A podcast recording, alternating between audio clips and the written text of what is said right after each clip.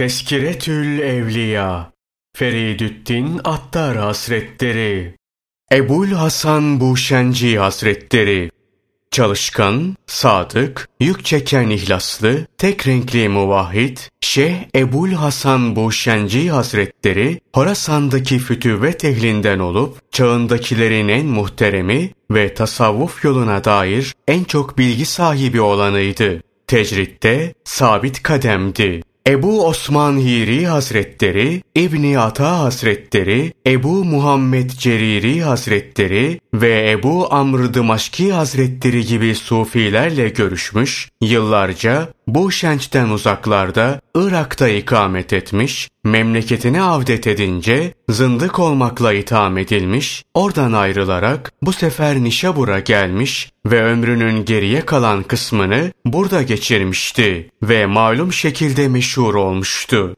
Derler ki çiftçinin biri eşeğini kaybetmiş. Nişabur'da zahit bir Türk var mıdır diye sormuş. Boşenci var diye cevap alınca yanına varmış ve eteğine sarılarak eşeğimi sen çaldın demiş. Boşenci hazretleri Ey genç, yanılıyorsun. Çünkü ben seni ilk kez şimdi görüyorum demişse de çiftçi sen çaldın diye tutturmuş. Bu hal karşısında o da çaresiz kalmış. Nihayet ellerini havaya kaldırarak ilahi beni bundan satın al diye dua eder etmez biri çıka gelmiş ve onun yakasını bırak çünkü eşeğini buldum diye bağırmıştı.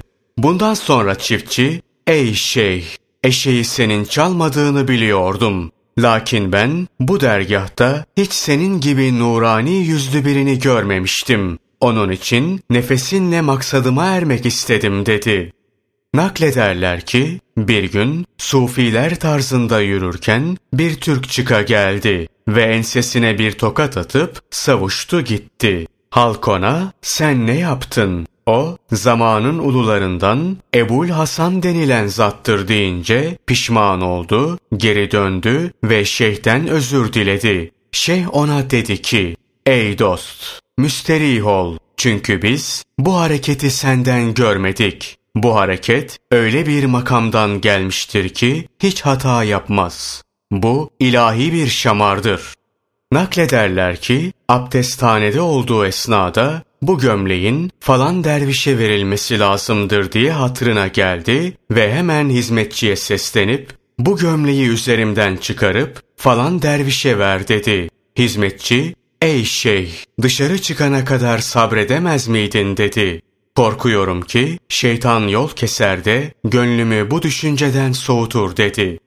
Nasılsın diye sorulduğunda şöyle dediği nakledilir. Aziz ve celil olan Allah'ın nimetlerini yiye yiye dişlerim yıprandı. Dilimse ondan şikayet ede ede yoruldu. Ne kötü insanım. Mürüvvet nedir sorusuna kiramen katibin melekleriyle bulunduğun halde üzerine haram kılınan şeyleri işlememendir. Melekler sana baka baka günah işlemen adamlık değildir demişti. Tasavvuf nedir diye sordular.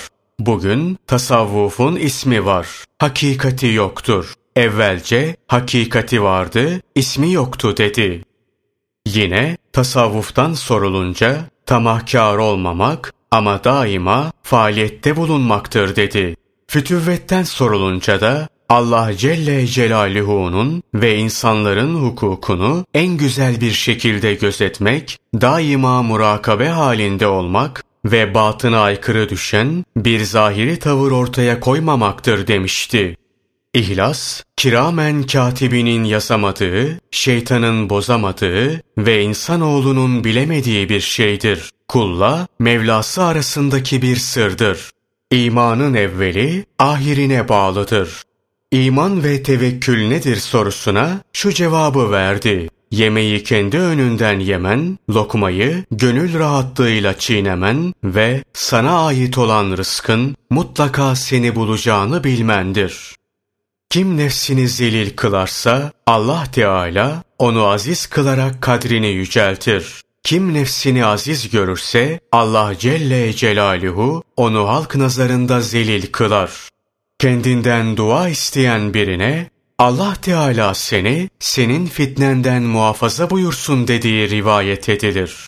Naklederler ki vefatından sonra dervişin biri mezarının başına vardı ve orada dua ederek Hak Teâlâ'dan dünyalık istedi. Gece olunca rüyada Buşenci Hazretlerini gördü. Kendisine dedi ki, Ey derviş! Mezarımızın başına gelince dünyayı isteme. Şayet dünyayı isteyeceksen dünya beyi olanların mezarlarının başına git. Buraya gelince himmeti yüce tutarak iki cihandan ilgiyi kes.''